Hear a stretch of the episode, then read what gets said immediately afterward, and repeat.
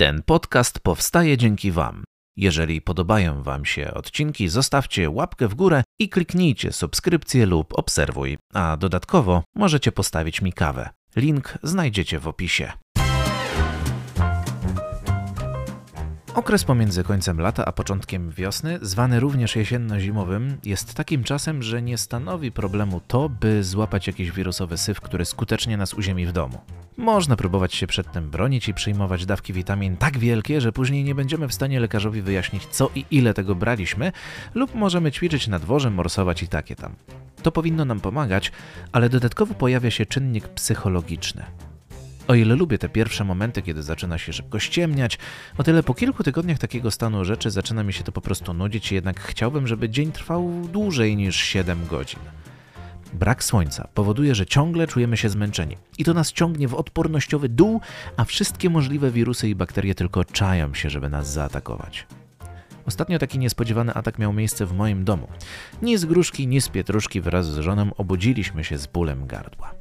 Tutaj pojawia się różnica pomiędzy mną a Gretą, chociaż schemat ten działa w wielu przypadkach tak samo. Wiecie, jak to jest u faceta.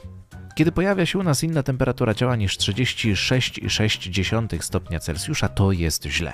Wystarczy odchył o 1 dziesiątą w jedną albo w drugą stronę i możecie dzwonić po zakład pogrzebowy i wysyłać klepsydrę do gazety, bo my umieramy. W końcu nie jesteśmy jak suseł, niedźwiedź brunatny, chomik, świstak alpejski, modliszka, pirania czy nietoperz i nie potrafimy zmieniać temperatury naszego ciała, więc taki stan rzeczy jest dla nas realnym zagrożeniem życia.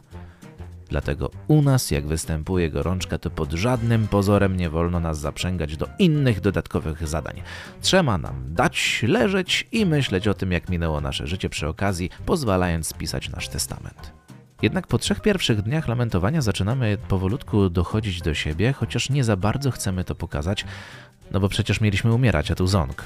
Pacjent wraca do żywych. Gorączka zaczyna mijać. Ból gardła lub innych narządów w naszym ciele też jakby odchodzi w niepamięć i nawet nie zdążymy się obejrzeć, a już jesteśmy zdrowi. Tak czy inaczej, po powrocie do pracy czy podczas pierwszego spotkania z kolegami, naturalnie będziemy opisywać w dramatyczny sposób, jaki ból musieliśmy znosić przez te wszystkie dni choroby i z czym musieliśmy się zmierzyć, żeby pozostać przy życiu.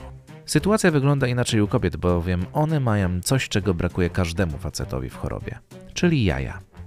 I ja to szanuję, bo naprawdę jeszcze jako tako one funkcjonują, nawet jak czują się koszmarnie, a to jest nie lada wyczyn. I tym właśnie się różnimy. A przy okazji chciałbym się z Wami wszystkimi jeszcze raz przywitać, bowiem śmierci w oczy ostatnio spojrzałem. A to był tylko ból gardła i gorączka.